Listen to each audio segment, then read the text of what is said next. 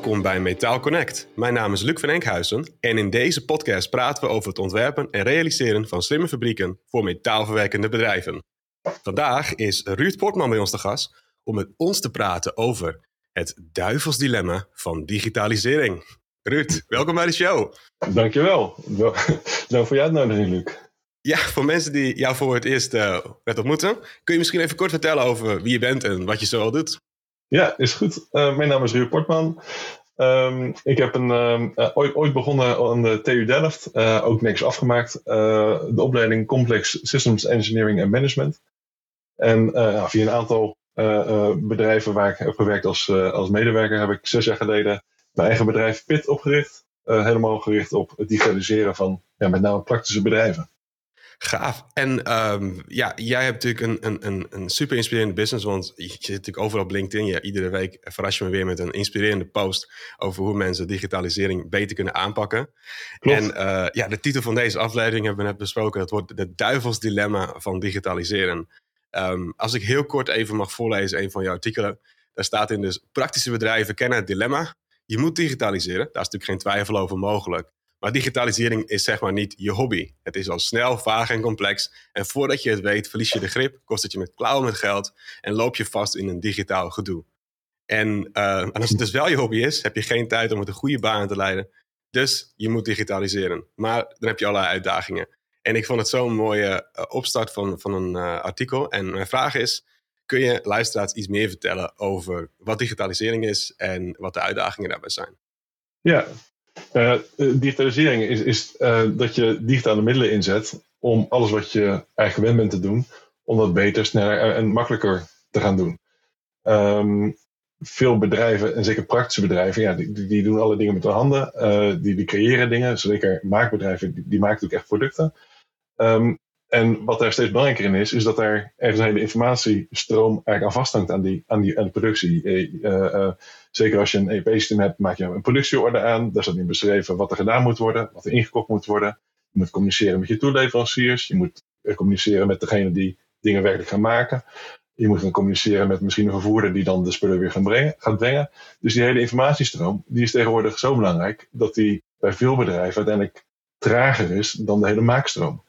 En als je daar um, niet goede vorm aan geeft, dan heb je uiteindelijk zoveel last van die informatiestroom, dat die informatiestroom zorgt ervoor, dat die ervoor zorgt dat die de fysieke stroom vertraagt. En um, als je fouten maakt in die informatie, dan uh, krijg je uiteindelijk niet de producten die je nodig hebt. Um, en, daarmee worden dus uh, die informatie, als dat rommelig georganiseerd is, dan krijg je, krijg dus allerlei vertragingen en verstoringen in je productieproces die je eigenlijk kan voorkomen als je het allemaal goed organiseert. En dat goed organiseren, dat noemen we digitalisering. Wat, wat is de reden eigenlijk dat je in dit vakgebied bent gekomen? Hoe ben je ingerold in dit, dit, deze, dit specialisme van jou? Ik, ik ben eerst um, um, na mijn studie in Delft uh, ben ik uh, gaan werken bij Tebodin. Dat is een groot, uh, groot ingenieursbureau. Dat, tegenwoordig mhm. bestaat die naam niet meer. Tegenwoordig is het Bilfinger. Maar Tebodin was goed in het ontwerpen en bouwen van fabrieken. En um, ik kwam daar terecht bij de afdeling consultancy. En die zat, ja, een soort van afdeling die dan eigenlijk dwars op de rest van de afdelingen zat. En, en um, ja, ik kwam daar via via terecht bij wat meer informatiseringsprojecten. Of, of ja, IT-projecten, hoe je het ook wil noemen. En daar heb ik het kunstje van uh, IT-ontwikkeling uh, geleerd. En um, nou, de jaren daarna ben ik bij verschillende bedrijven heb ik gewerkt die allemaal iets met digitalisering deden. Um, maar het bleef toch wel, wel trekken, die hele praktische industrie. In die zin dat, dat daar heel veel ingenieurs of heel veel knappe koppen rondlopen. Alleen ik merkte ook dat die, ja, eigenlijk hoe technisch uh, mensen ook zijn, ze hebben dan eigenlijk steeds minder gevoel bij, bij digitalisering. Steeds minder gevoel bij IT. Dat zijn toch heel twee totaal verschillende werelden. Dat ik ook zag dat daar heel veel winst te behalen is. Dus ik denk, nou, met mijn uh, ervaring of met mijn achtergrond toch ooit bij een ingenieursbureau. Ik heb toch wel gesnuffeld aan die technische, technische wereld. Um, en ik heb ook heel veel ervaring opgedaan met, met digitalisering of met IT. Nou, dat is een mooie combinatie. En dat is ook wel een soort van niche-markt, omdat er nog weinig echt consultiebedrijven zijn die zich focussen op die praktische bedrijven. En uh, nou, dat is een mooie, mooie niche om in te stappen. Dus zodoende ben ik, uh, ben ik mijn bedrijf begonnen met die uh, expertise, met dat focusgebied. Ja, absoluut. Ja, er is natuurlijk een enorme behoefte aan, aan ja, begeleiding en, en ja, het, het, kunnen realiseren van projecten zelf, dat het echt een succesvol is vind het mooi als op jou, het praktische bedrijven, dat zeg je ook mooi. Het zijn, het zijn heel breed dat je niet alleen dus de maak, maar echt de praktische kant van, van zaken. Ja. Um, en die, die praktische bedrijven, die, die, die hebben dus allemaal hetzelfde vraagstuk volgens mij. Ze willen dus vanuit een papieren werkstel naar digitaal en daar meer mee doen. Klopt. Uh, en, maar dat is natuurlijk een van de dingen. Uh, veel mensen zeggen, ja, papier, digitale transformaties, het is eigenlijk alleen maar van papier naar computers gaan. Uh, ja. En, en, ik denk dat, dat de meningen daar wel een beetje over verdeeld kunnen zijn. Wanneer is voor jou een digitale transformatie of digitalisering succesvol? Nee, je, je, um, je zegt het wel goed. Want als je zegt van papier, uh, digitale transformatie is gewoon de overschrijding van papier naar, naar schermen. Nou, stel dat je al het papier wat je nu hebt, allemaal opeens in een scherm stopt. En dan wordt het niet zomaar beter, sneller en makkelijker van. Vaak als je gewoon puur kijkt naar de huidige papierstroom, dan is papier misschien wel handiger en flexibeler dan alles op een scherm te zetten, als je het één op één zou doen. Dus um, het wordt pas efficiënter als je ook kijkt naar hoe, hoe die informatie stroomt. Nu uh, zijn heel veel processen geënt op uh, het maakproces en dan daar gewoon een papieren stroom aan vastkoppelen. Waardoor dus eigenlijk terwijl je het ook kan zien als, als een, als een, um, uh, een losse stroom. Je moet producten maken. Alleen die informatie zou natuurlijk een andere route kunnen volgen dan de hele maakroute. Als je maar zorgt dat op het juiste moment, op de juiste plek, de juiste informatie beschikbaar is. En dan moet je soms even wat anders gaan kijken dan de, de klassieke indeling van een bedrijf. Um, en juist die praktische bedrijven, daarom noem ik het ook vooral praktische bedrijven, die zijn vooral praktisch gericht. En dat betekent eigenlijk, we willen niet al te lang nadenken over hoe je dingen organiseert dan gaan ze snel mogelijk proberen een oplossing te bedenken. En dat, dat maakt ze ook juist zo praktisch. En als je dat te snel doet, dan ga je eigenlijk in dat letterlijk schakeltje voor schakeltje ga je, van, uh, ga je een systeempje voor bedenken. Oh, dit stukje, nou, dan kopen we dit systeem voor. En dit stukje kopen we dit systeem voor. Um, alleen wat je dan eigenlijk overslaat, uh, is, de, is het idee dat je bedrijf ook een systeem is. Vorige week heb jij gesproken met Erwin van Zomeren. Nou, dat, die is systeemdenken ten top. Nou, een bedrijf is ook een systeem. En als je zomaar wat schakeltjes digitaliseert, dan, dan sla je eigenlijk de stap over um, dat je beseft dat je bedrijf ook een systeem is. Waarbij je goed moet nadenken over hoe die systeemcomponenten uh, het beste met elkaar kunnen communiceren. En als je van puur de, de, de afdelingjes uh, stapsgewijs digitaliseert, ja, ja, dan creëer je, je niet zomaar een, een efficiënter systeem. Um, dus uh, digitalisering is pas succesvol als je een, een, een nieuw systeem implementeert of een, een, als bedrijf het systeem zodanig efficiënt maakt dat die informatiestroom soepeler door je hele bedrijven gaat. Waardoor je dus uiteindelijk betere processen of betere producten krijgt, snellere processen en uh, minder complex vooral. Um, zodat je uiteindelijk je kan focussen op je hele uh, productieproces en dat de hele informatiestroom daar soepel in, in, in meewerkt in plaats van een los iets is wat uiteindelijk tegenwerkt. -hmm. En uh, wat zijn dan wat, wat, wat typische valkuilen die, die bedrijven maken in dit soort trajecten? Want je noemt nu duidelijk van oké, de, de, informatie komt naar je toe, dat klinkt gaaf. Maar, maar ik kan me voorstellen dat veel bedrijven dat ook nog niet komen. wat zijn wat dingen die dan vaak fout gaan in zo'n traject bij bedrijven? Wat doe je daar misschien nou, tegen? Wat heel vaak fout gaat is um, dat ze tegen een probleem aanlopen en dat ze dan direct uh, op zoek gaan naar een oplossing. Dat is eigenlijk de, de belangrijkste valkuil. Dus dan bellen ze een leverancier op van joh, ik heb een probleem, ik wil bijvoorbeeld deze werkinstructies digitaal hebben. Of ik wil, uh, um, um, ik, ik, ik, wil mijn producten niet meer kunnen intypen met, met, met, met de laptop of met, met een toetsenbord, maar ik wil ze kunnen scannen. Dat dus allemaal kleine deeloplossingen, kleine componentjes. En als je maar genoeg van die kleine componentjes uh, in huis haalt, op een gegeven moment merk je dat ze niet zomaar aan elkaar gelinkt kunnen worden. Of dat ze misschien dubbelingen hebben. Of dat je bepaalde informatie zowel in het ene systeem hebt als in het andere systeem hebt. Of dat juist precies dat ene stukje informatie nergens ingedekt is. Mm-hmm. En dan heb je altijd weer papier nodig. Of je moet handmatig zitten overtypen. Of je moet uh, alsnog ergens printen, iets naar een andere afdeling brengen en daar wordt het weer ingescand. Dus dan heb je ja, een hele bulk aan digitale componentjes, maar je hebt geen nieuw, efficiënt digitaal systeem gecreëerd in je bedrijf. En um, dus, dus wat vaak fout gaat, is dat bedrijven niet nadenken over een, een complete verbetertraject of een complete doel wat ze willen gaan bereiken. Dat ze direct in, in puntoplossingen schieten. En dan heb je eigenlijk gewoon een, een, een, een digitale lappendeken dan aan het creëren.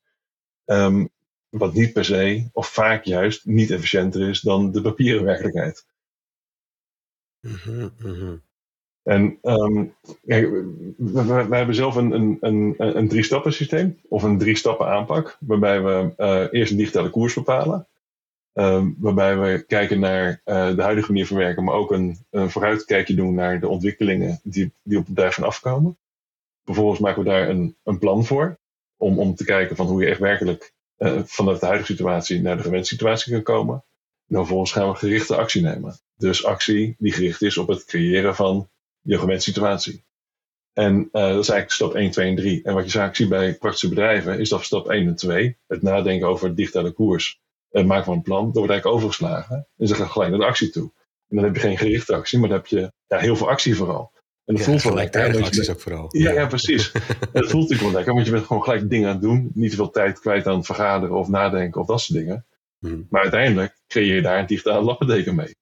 En dat is juist, ja, je, kan beter een papieren lappendeken hebben dan een digitale lappendeken. Want een digitale lappendeken, ja, dat kost vaak nog meer. En uiteindelijk heb je nog steeds papier en handwerk nodig. Dus dan heb je en veel geld uitgegeven, je bent lang bezig geweest, en je hebt nog niet wat je wil bereiken. Ja, absoluut. En dit, dit, dit is natuurlijk boekdelen inderdaad. Want als je net niet een plan maakt, dan heb je een plan om te falen natuurlijk. Dat, dat, dat is een beetje wat, wat, uh, wat een bekende gezegde is. Ja. Um, ik vind het ook, want we hebben natuurlijk deze aflevering nu genoemd het duivels dilemma van digitaliseren. En dus eigenlijk is er dus continu het dilemma tussen bedrijven die zeggen: Oh, ik, ik, ik weet het denk wel wat ik moet doen. En dus ik koop me gewoon de tools en het kan allemaal niet te moeilijk zijn. En dus ik ga geen geld besteden aan het maken van plannen en strategieën. Maar het dilemma aan de andere kant is ook het risico dat het hele project dus eigenlijk helemaal niet nodig was of faalt. Is dat een beetje de, de, het, hoe, jij, hoe jij het ook zou omschrijven? Of, of heb jij misschien een betere omschrijving ervoor? Um, nou ja, het, het dilemma is, is eigenlijk uh, dat je um, om efficiënt of effectief te digitaliseren, moet je eerst even een stap, stap op, op je plaats doen, even nadenken, dan een plan maken en dan aan de slag met de actie. Um, alleen bedrijven hebben het, zeker praktische bedrijven, hebben tegenwoordig behoorlijk druk. Ze hebben geen verstand van digitalisering, dus ze kunnen wel heel lang gaan nadenken. Alleen ja, ze weten niet precies wat ze zichzelf moeten afvragen. Want dat ze, ja, het is natuurlijk een, uh, een vakgebied wat voor de meeste praktische bedrijven best ver van de bed uh, staat. Ja. Dus ik kan wel zeggen, ja, je moet gaan nadenken. Maar ja, het is best lastig om na te denken over iets waar jij maar geen ervaring mee hebt. Uh-huh. um, terwijl ik dan zeg, joh, je moet eigenlijk gaan nadenken voordat je werk aan de slag gaat. Nou, dat zou ze misschien wel willen, alleen ze weet niet waar ze over moeten nadenken, welke vragen ze moeten stellen en, en hoe het dan in zijn werk zou gaan. Dus dan schiet ze maar in, in, de, in de actie, waardoor het alleen maar nog ingewikkelder wordt. Dus uiteindelijk graaf je zelf in. Uh, en het Duitse dilemma is dus eigenlijk dat je, um, um, je wil digitaliseren, dat weet je, alleen je hebt er geen verstand van, je hebt er geen tijd voor, voor je gevoel.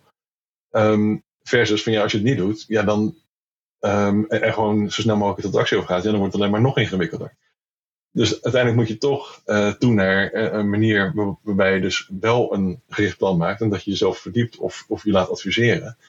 Om, om werkelijk wel die koers te bepalen en een plan te maken, zodat je uiteindelijk gericht aan de slag kunt.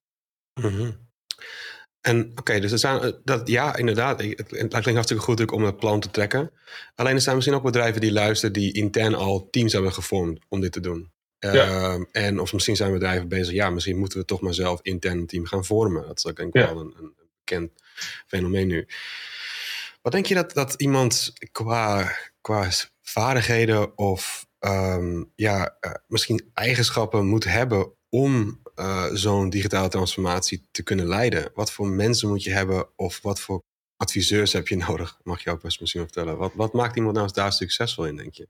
Je moet vooral iemand hebben die. Um, als we beginnen bij een bedrijf, ik krijg regelmatig de vraag, uh, zeker in, het hele acquisitietraject, joh, heb je vaker gewerkt voor bedrijven zoals mij? die heel specifiek dit maakt of heel specifiek dat maakt. En mijn antwoord is, nee, nee, ik heb nooit, nooit voor jouw type bedrijf gewerkt. Maar uh, heel veel manieren van procesdenken, die zijn wel hetzelfde. Of je nou uren uh, moet bijhouden omdat je ondergrondse infrastructuur aanlegt, of je moet uren bijhouden omdat je software programmeert. Het is allebei het proces uren vasthouden. En, en natuurlijk, vanuit een bedrijf snap ik de vraag wel. Um, alleen het is heel vaak niet zo relevant wat een bedrijf precies doet. Het gaat erom um, wat de werkende principes zijn binnen zo'n bedrijf.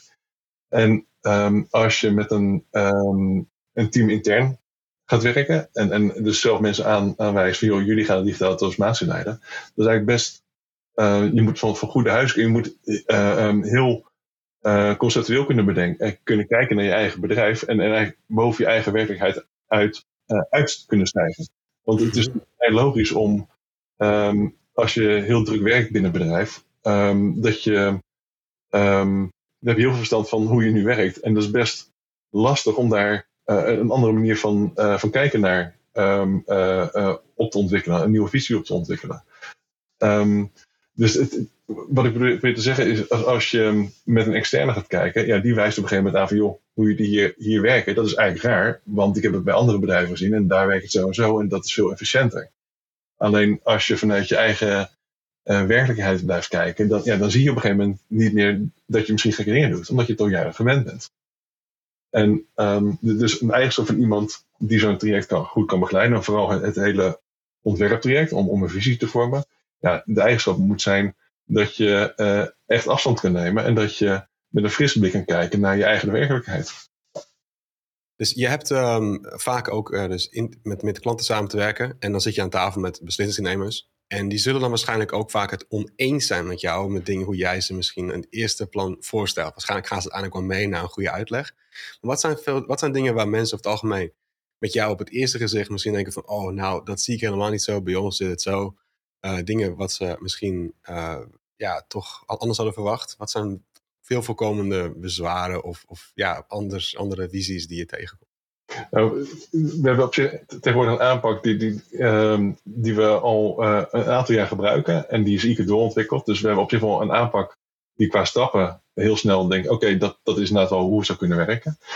Waar uh, vragen over komen is: wij hebben uh, in onze stand aanpak altijd een, een stuk of zes tot tien interviews met, met stakeholders binnen het bedrijf. waarin we gaan vragen: gewoon, welke informatie gebruik je? Welke informatie, wat, wat doe je er volgens mij met die informatie? En, en waar stuurt het vervolgens weer heen? Om eigenlijk de hele informatiestroom in kaart te brengen. En dat doen wij in zes tot, tot tien uh, interviews. Ja, en dat vinden bedrijven toch lastig om, om te, om te uh, geloven dat wij met zo weinig interviews een, een, visualisatie kunnen maken van de hele informatiestroom binnen het bedrijf. Omdat heel veel mensen toch het idee hebben dat ze super complex zijn en dat er zoveel gebeurt binnen een bedrijf dat het nooit op, op één A3'tje past. We maken daar werkelijk een, een, een visuele weergave van, met, met alle systeempjes, met de afdelingen, met alle informatie overdag, komt allemaal in één plaat te staan. En soms is het best wel een drukke plaat, maar het past altijd. En het lukt altijd om dat in, zo weinig interviews naar boven te halen. En dat is eigenlijk ook wel typerend voor hoe de meeste mensen denken van ja, als je helemaal in een proces zit, ja, dan ben je continu de druk bezig met, ja, met dingen, dingen regelen. Iedereen is druk, iedereen maakt lange, lange dagen. Dus dan heb je het gevoel dat het allemaal super complex is. Alleen dus heel vaak uh, veel herhalingen van hetzelfde.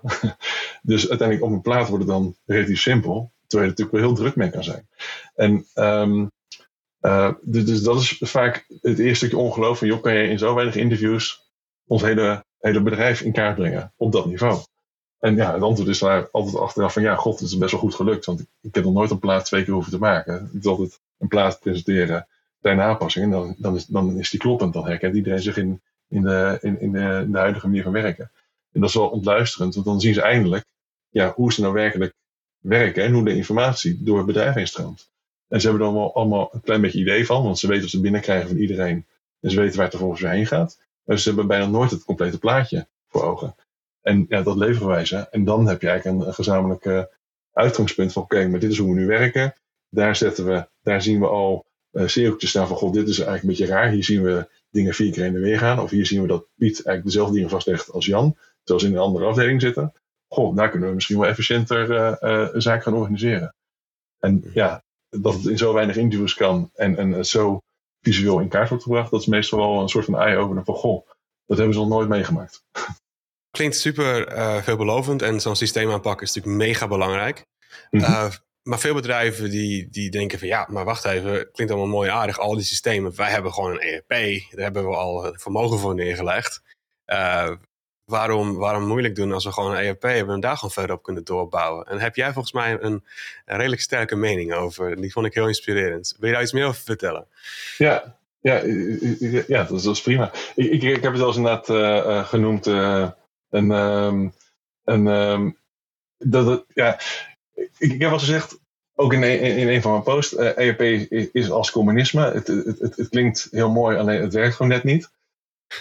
of ERP e is, is, is, een wolf in schaapskleren. Van ja, je denkt een heel krachtig systeem te hebben. En uiteindelijk blijkt het toch maar een max schaap te zijn. Want ja, je hebt gewoon net niet de kracht die, die, die het belooft. Um, en, en natuurlijk is dat wat ongenuanceerd en dat is natuurlijk ook wel wat, uh, wat, wat expres. Ik, ik ben ervan overtuigd dat elk bedrijf, zeker als je veel inkoopt en uh, veel, veel waardestromen in je bedrijf hebt, dan heb je gewoon een ERP-systeem nodig. Dus dat is absoluut, absoluut een, een, een, waarheid. Um, alleen ik denk niet dat ERP het enige systeem is wat je nodig hebt. Ik denk ook niet dat ERP zaligmakend is. Er zit gewoon absoluut grenzen aan. Je moet het gebruiken waar het voor bedoeld is. En, en waar het ooit voor bedoeld was, is, is om tijdens spullen te kunnen inkopen. Uh, om, je waardestroom vast te leggen en om inzicht te hebben uh, welke waarde is waar gecreëerd in het proces. En dat is prima, daar moet je het ook vooral voor, voor, gebruiken. Alleen het is zeker wat, wat oudere ERP-systemen zijn over het algemeen niet zo geschikt uh, in het uitwisselen van informatie met andere omliggende systemen. Het is vooral ERP, ja, die eet veel informatie op. En de uittrekken is, is toch wel lastig. En um, Het ook niet zo geschikt is, is, voor procesondersteuning.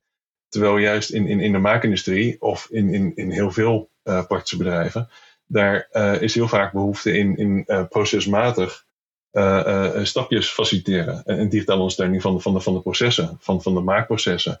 ondersteunen met, met ondersteunende documentatie. En natuurlijk heb je wel iets van shopfloor systemen.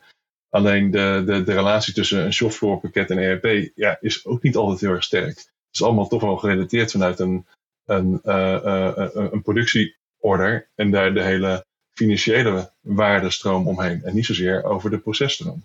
Dus onze mening is vooral dat je um, systemen moet hebben die, die specifieke processen ondersteunen. en als er een waardecomponent in zit, natuurlijk moet je dan laten communiceren met ERP.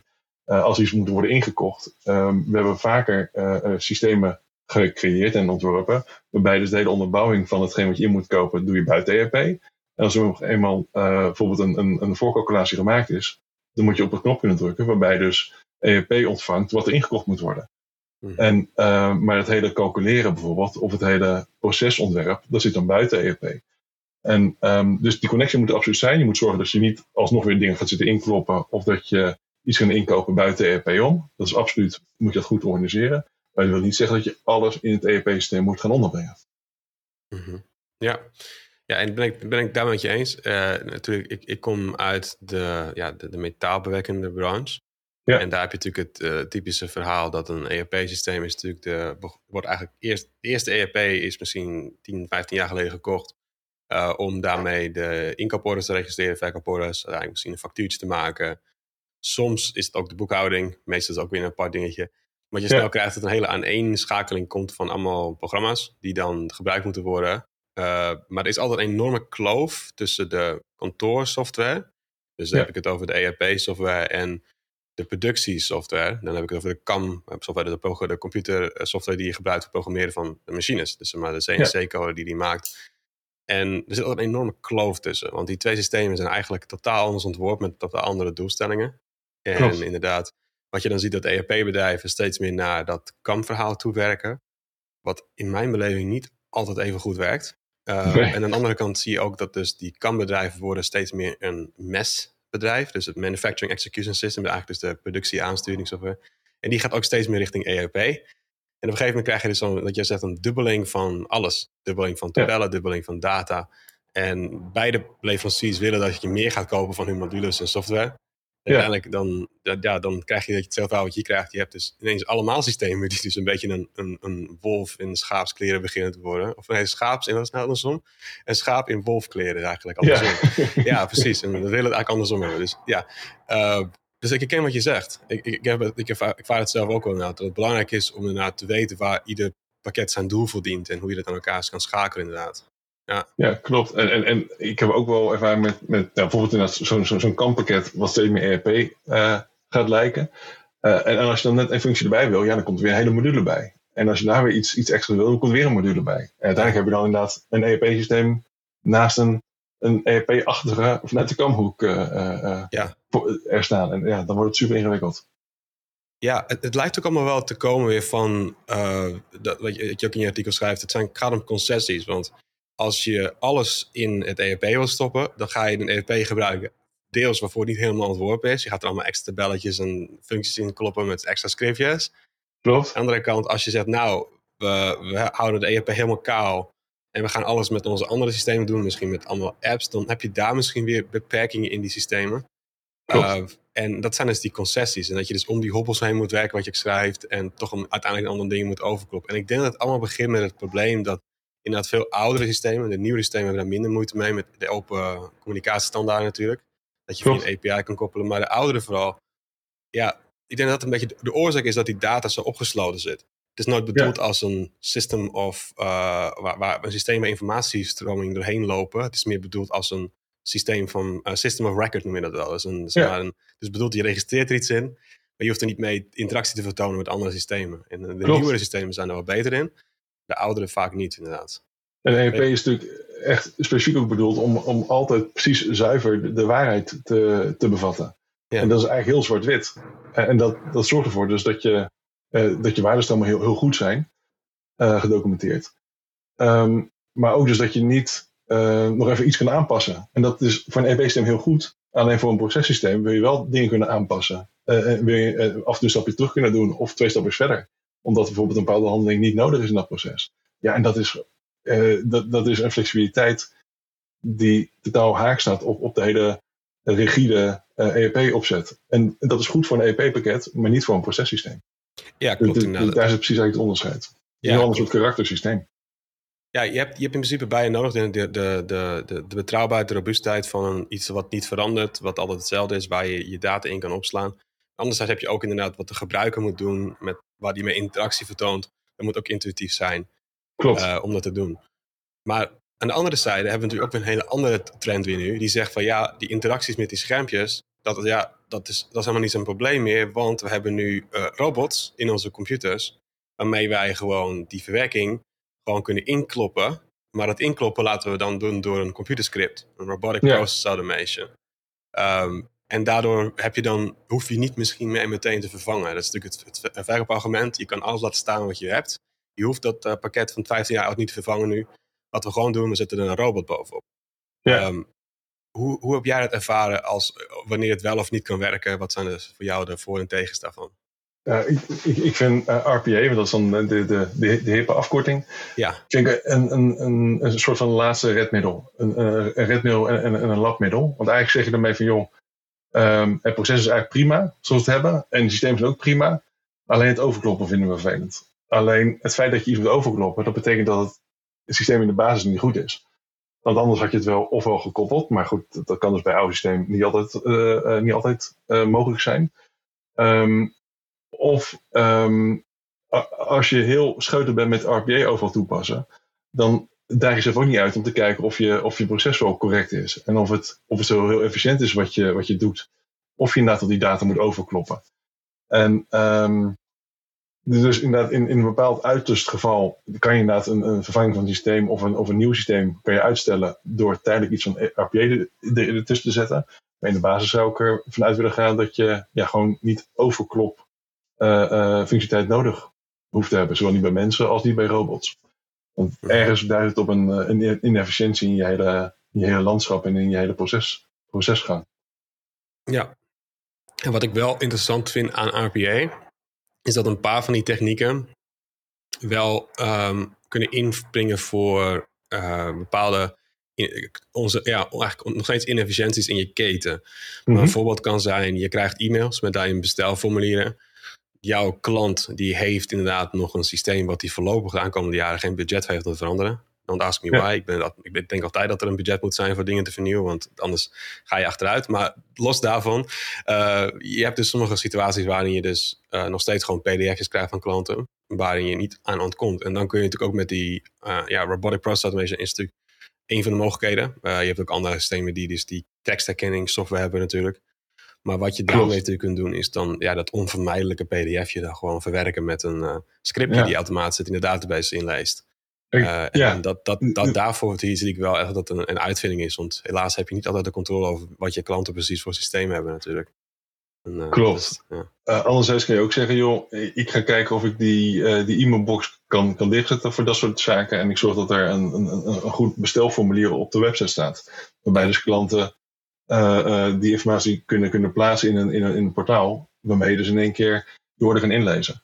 Ja. Dat is een, een, heel ander soort, heel andere structuur en een heel ander soort manier van denken. Alleen dat is precies zo'n, zo'n ja, het, het, restje dat je orders binnenkrijgt via de e-mail. Dat is eigenlijk in de basis al een beetje een raar albollig proces. En daar zet je dan de RPA tegen om nog een beetje, um, een beetje te, te um, uh, een beetje um, aardig te maken, zeg maar, om, om het iets te verlichten. Maar eigenlijk in de basis zou je niet uh, complexe orders in een PDF in de mail moeten krijgen. Ja, daar heb je net een heel goed punt mee. Daar ben ik ook helemaal met je eens. Want inderdaad, wat we in het begin ook zeiden, een digitale transformatie is niet alleen maar van papier naar, naar digitaal gaan. Want dat is Klopt. wat e-mail eigenlijk is natuurlijk. Je hebt, vroeger kreeg je een brief in de post. Dan krijg je diezelfde brief in PDF in je inbox. Ja, die er volgens gaan uitprinten omdat je er iets mee wil doen en een stempel opzetten of zo. Ja, en dan mag je in het archief voor vijf jaar. ja, ja, precies. Ja, ja het, het, is inderdaad heel vreemd inderdaad. En dus wat jij heel mooi zegt, ja, een, een, een, online portaal is daar natuurlijk een uitkomst voor. Uh, en mee eens, ik zie ook in de metaalbewerkende branche dat portalen nu echt uh, ja, hot zijn. Dat is echt ja. super belangrijk. Uh, maar natuurlijk ook moeten we allemaal een bepaald doel zijn er weer natuurlijk, want er zijn zoveel manieren hoe je dit kunt aanpakken. ja.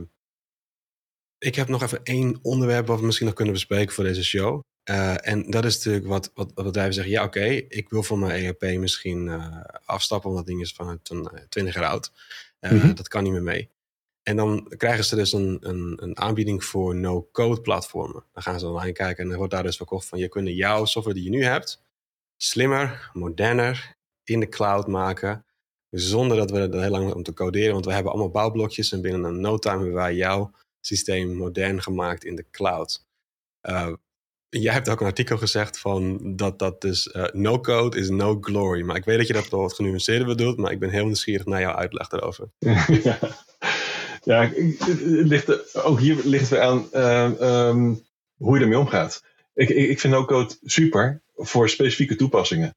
Um, met no-code kan je dat snel een appje maken. En, en als je het dan uh, connect met je ERP, kan je bijvoorbeeld een een, een, een fijne user, user interface maken, waarbij iemand iets invoert en dat direct wordt opgenomen in of een ERP-systeem of een ander systeem. Uh, dat is helemaal prima.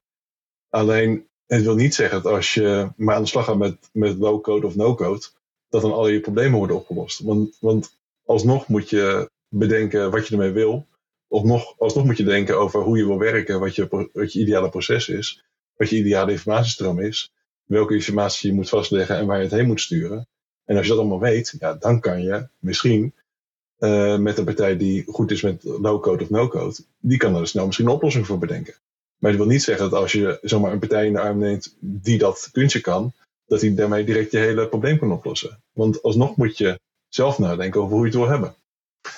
Dus um, kijk, low-code is ook gewoon programmeren, alleen uh, op een handige manier. Dus je krijgt andere type mensen die misschien niet werkelijk code kunnen schrijven, maar uiteindelijk, low-code, dat betekent, ja, het, het, klinkt als dat er geen code is. Maar low-code is eigenlijk gewoon maar een schermpje waarmee onder water alsnog code wordt gecreëerd. Dus ook als je met low-code aan de slag gaat en dat niet heel goed gecontroleerd doet, dan kun je nog steeds rommel maken wat niet functioneert. Um, dus ik wil alleen maar te zeggen, het is een handige tool, maar het is vooral uh, uh, een handige tool voor degene die dan de functionaliteit maakt. Maar je moet nog steeds wel beschrijven als opdrachtgever wat voor functionaliteit je nodig hebt en hoe je dat dan precies wil hebben. Ja, ja, inderdaad. Het is ook heel belangrijk dat je aangeeft van dat de, de code wordt nog steeds. Het is nog steeds code. Het is nog steeds wat onderhouden moet worden. Het is nog steeds iets wat, wat staat. Alleen de, het is niet meer op de klassieke. Uh, je hoeft niet meer ieder stuk code opnieuw te schrijven. Maar je hebt nog steeds blokken van, van code. Er zijn natuurlijk wel een paar verschillende varianten van natuurlijk. Uh, je hebt natuurlijk echt de, de, de blok gebaseerde softontwikkeling. En natuurlijk de echte drag and drop. Uh, en je hebt ook gewoon de platformen waar je gewoon in kunt uh, bouwen natuurlijk met uh, allerlei verschillende tools. En, uh, ja. en het argument is ook wel van, joh, het is zo simpel dat als bijvoorbeeld een leverancier iets in elkaar zet en jou dan gewoon ehm, alle toegang geeft, dat je dan zelf ermee verder kan. Als, als bedrijf. Nou, dat is natuurlijk wel zo, maar dat wil nog niet zeggen dat, ook al ziet het er simpel uit, dat je zomaar iedereen dat, dat goed kan. Je moet nog steeds gestructureerd kunnen nadenken. Je moet nog steeds een bepaald conceptueel denkniveau hebben over hoe je het wil hebben. Dat als je gewoon met blokjes gaat slepen en je creëert iets, ja, dan wordt er ook. Het, systeem is niet heel slim. Hè? Daaronder wordt het nog steeds dan gewoon de functie gecreëerd die jij bij elkaar hebt gesleept. En als het geen handige functie is, dan heb je gewoon een niet zo handige app. Ook al is het low-code, ook al heb je het makkelijk bij elkaar gesleept. ja, inderdaad. Ja, mooi, mooi samengevat. Ja, precies. Het is dus uh, echt. Uh, het gaat erom dat je dus de, de koers maakt, het, plan maakt, de koers bepaalt, plan opstelt en dan daarmee op blijft bouwen. En dus niet meteen begint met het bouwen van software. Ik ben het ook met je eens, want inderdaad, veel bedrijven hebben gewoon een neiging om meteen, oh, we kopen dit pakket en dan gaan we kijken wat we er allemaal uit kunnen halen. Maar het moet eigenlijk andersom inderdaad. Dus en dat is ook een beetje voor mij de, de crux van het verhaal. Terwijl diezelfde bedrijven uh, natuurlijk allemaal producten maken, uh, ook, daar heb ik ook eerst over nagedacht. Dus denk ik geen enkel bedrijf die, die zonder tekening, zonder werkvoorbereiding, gewoon maar een stuk staal pakt en, en met een, met een slijptol iets in elkaar klust. Ze denken allemaal over na van tevoren, wat ze gaan, wat ze gaan maken. Terwijl mhm. met, software hebben ze opeens het idee van, joh, er is zoveel te koop, ik koop gewoon wat. En dan gaan we daarmee aan de slag. En uh, oké, nou, we hebben dus de, nu, ja, het is gewoon belangrijk om het te doen. Maar dus, we hebben in het begin gehad over wat voor uh, eigenschappen je moet hebben om dit te kunnen doen. Ja. Uh, maar we hebben natuurlijk een gigantisch tekort aan mensen die dit überhaupt kunnen doen. Ja. De, de, qua consultants zijn er mensen nodig. Er zijn in de bedrijven mensen nodig die tijd hebben om dit überhaupt te, te, te met jou te kunnen praten erover natuurlijk. dus er is gewoon behoefte aan een, vak, een vakmanschap in iedere segment eigenlijk van, van dit, wat wij aan het doen zijn. Als ik, wat denk jij dat wij als Nederlandse maakindustrie moeten doen om hier voor de toekomst uh, beter mee om te kunnen gaan? Hoe kunnen we ons beter voorbereiden voor wat er gaat komen en hoe kunnen we uh, beter samenwerken? Wat, wat, wat soort tips zou je hebben voor de, of visie heb jij daarover? Voor het beter kunnen doen? Ik denk dat het zo schelen als, als bedrijven ook beseffen dat, dat digitalisering ook onderdeel is van het werk. Soms heb ik het idee dat, dat ze denken, joh, het is een, een taakje erbij die, die helemaal niks te maken heeft met, met mijn bedrijfsvoering en met de productie. Maar het zit zo dicht tegen, tegen je operatie aan, dat het een, een component is van, van hoe je je fabriek aanstuurt, hoe jij uh, de productie bestuurt en, en hoe je de productie draait die je al jaren draait. Um, dus als je beseft, joh, het is gewoon een component van, van mijn bedrijf, en dan ga je er misschien ook eerder aandacht voor hebben. En, en dan moet je misschien iets uit de productiecapaciteit halen. En als je dat dan in, in digitalisering stopt, dan wil nog steeds, het kan nog steeds zo zijn dat je productie uiteindelijk je productiecapaciteit verhoogt. Uh, als je maar eerst die stap maakt om, om werkelijk de digitale basis neer te leggen, zodat je daar vervolgens kan je daarmee mee opschalen en kan je, kan je versnellen. En uh, nu heb ik nog steeds het idee dat, dat ja, de eerste prioriteit is gewoon de productie zelf. En dan eventueel als we tijd en uh, geld over hebben, dan gaan we eens een keertje kijken naar digitalisering. Ja, en als je dat dat standpunt blijft houden, ja, dan is het heel lastig om werkelijk die stap te gaan maken. Om een keertje door die zure appel heen te gaan, om werkelijk aan de slag te gaan met digitalisering, zodat je uiteindelijk je productiecapaciteit vergroot. Ja, ja, mooi gezegd inderdaad. Want je begint bij het meeste focus ligt nog op de productie.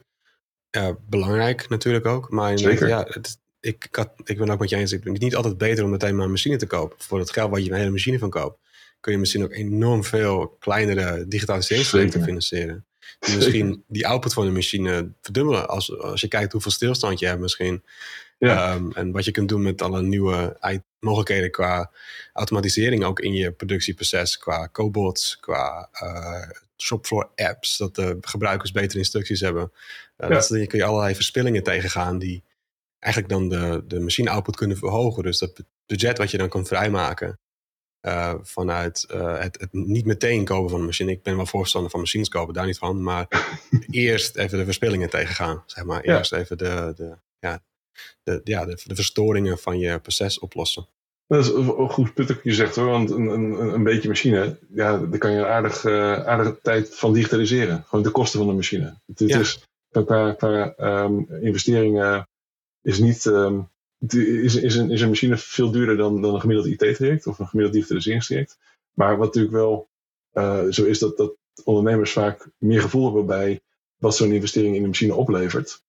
Ten opzichte van wat de investering in digitalisering oplevert. En, en dat is ja, misschien iets wat, wat, wat wij vanuit onze functie uh, beter moeten kunnen, kunnen uh, onderbouwen. Wat zijn nou precies die winsten en, en hoe kan je dat kwantificeren? Want dat is altijd een beetje lastig, want je gaat een soort voorschot nemen op iets wat niet, niet helemaal zeker is. Je hebt wel heel veel gevoel bij van joh, uh, er gaat heel veel verbetering optreden qua uh, foutreductie, faalkansreductie, dat soort zaken. Maar het is moeilijk om dat van tevoren echt keihard te kwantificeren. Hm. En als ik bij een machine kopen, is dat, ja, dat is het kunstje wat die ondernemer al heel vaak gedaan heeft. Die weet dat precies van tevoren. Mm -hmm.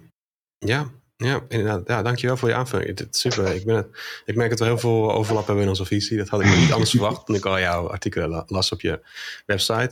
En ook op je LinkedIn ben ik heel actief in. Um, zijn er nog afsluitende woorden die jij zou willen geven in deze aflevering aan de luisteraars? Uh, aan uh, wat ze misschien kunnen. Ja, wat ze, een vraag die ze misschien moeten meenemen naar huis toe, waar ze over na moeten denken wat ik luister nog zou willen meegeven. Ik kan me voorstellen, digitalisering, eh, dat is, daar begonnen we ook mee, het duivels dilemma. Uh, digitalisering, dat, dat, dat klinkt vaak super ingewikkeld en, en uh, heel erg mee uh, groot meeslepend. Ja, er zijn ook veel verhalen natuurlijk bekend over dat als je met digitalisering begint en het gaat mis, dan, dan ja, ben je acht jaar later, heb je al je geld verbrand, heb je nog steeds geen functionaliteit. Um, alleen dat, dat hoeft natuurlijk helemaal niet zo te zijn. Je kan het ook gewoon klein opstarten. Kijk, wat je voor moet doen is wel een goed plan maken wil niet zeggen dat je er jaren aan bezig bent. Sterker nog, ja, onze aanpak is dat wij in, in negen weken tijd en de koers hebben bepaald en dan een concreet plan hebben liggen. Uh, en dat concrete plan bevat al helemaal um, eigenlijk de, de, de stapjes die je moet zetten om van je huidige situatie de gewenste situatie te maken. En dat wil niet zeggen dat je dat hele plan in één keer moet uitvoeren. Dat kan je nog steeds stapsgewijs doen. Uh, en elke stap die je zet, zorgt dat je bedrijf beter, sneller en makkelijker wordt. En, en als je dat maar vaak nog doet, ja, dan uiteindelijk heb je het hele plan uitgevoerd, maar je kan ook halverwege stoppen. Uh, dus het is, het is absoluut een misvatting om te denken dat, dat als je met digitalisering begint, dat je dan vervolgens heel veel geld kwijt bent en heel lang bezig bent. Het is juist het idee om dat in kleine stapjes te doen. Want inderdaad, een heel groot traject, dat, dat is ja, niet haalbaar en, en ook uh, heel vaak gebleken niet succesvol. Um, dus ja, wij zijn juist inderdaad degene die zeggen, joh, de koers en plan, daar kan je heel lang over nadenken. Alleen we maken het juist zo, kort en praktisch mogelijk. Want anders blijf je alleen maar hangen in heel veel nadenken. Nou, dan zit je vaker uh, wat overheidsbedrijven bijvoorbeeld heel, heel goed kunnen, heel lang nadenken en niks doen. Nou, wij zijn juist van kort nadenken en dan actie, maar dan wel gerichte actie in kleine stapjes, zodat je uiteindelijk gaat bereiken wat je nodig hebt. Dus ik denk dat bedrijven er nu als een berg in opzien. Alleen als ze eenmaal begonnen zijn, dan denken we oké, is al best uh, uh, goed te behappen en ook goed controleerbaar, omdat je het in kleine stapjes gaat doen. Ja, mooi. Ja, geweldige tips. Eh, ik denk dat het heel praktisch ook is om toe te passen voor praktische bedrijven. waar kunnen mensen wat meer over jou te weten komen online? Ja, sowieso natuurlijk op, op, LinkedIn, je hebt het al een paar keer gezegd. LinkedIn hebben wij een, een eigen bedrijfspagina, die heet PIT, P-I-T. Of ja, gewoon mijn naam, Ruud Portman. Daar komen ook alle, alle, alle posts terecht. En ik heb een eigen website, pit-digitale transformaties. En daar kan je ook ons uh, Canvas effectief digitaliseren downloaden. Dat is eigenlijk de beschrijving van uh, eigenlijk het bepalen van een koers. Uh, dat is een hele uitgeschreven werkplan, inclusief templates, waarmee je zelf aan de slag zou kunnen gaan. Aha, dus als jij die, die, die eigenschappen denkt te hebben en hebt om aan de slag te gaan met je eigen trajecten, dan kun je dat Canvas downloaden en dan kun je er gewoon helemaal mee losgaan. En als je vragen hebt, dan kan, kunnen ze jou dus vinden via LinkedIn is Ruud Poortman en PIT digitale transformaties. Oké, perfect. Nou, dankjewel. Het, ja? het is zoals Ruurt Portman met uh, R-U-R-D en, en, en Portman met één O. Oké, heel belangrijk om te onthouden. Maar je staat waarschijnlijk in de show notes ook. Ik zal ook in de, in de onderling deze aflevering voor het luisteraars, als je scrolt zo meteen op jouw kanaal naar keuze, zie je daar wat links staan. En een daarvan gaat naar dat canvas toe, wat je dan gratis kunt downloaden. Oké, nou Ruud, super, perfect. Dankjewel dat je hebt meegedaan aan deze aflevering. Ik heb weer een hoop uh, inspiratie opgedaan. Ik hoop de luisteraars ook. Dankjewel voor je uitnodiging. Hartstikke zeker, zeker dat ik ja? doen. Ja, Oké, super. Nou oké mensen, dat was het weer voor vandaag. Uh, ik ben Luc van Enkhuizen en ik hoop dat je de volgende keer weer luistert naar de Metaal Connect podcast.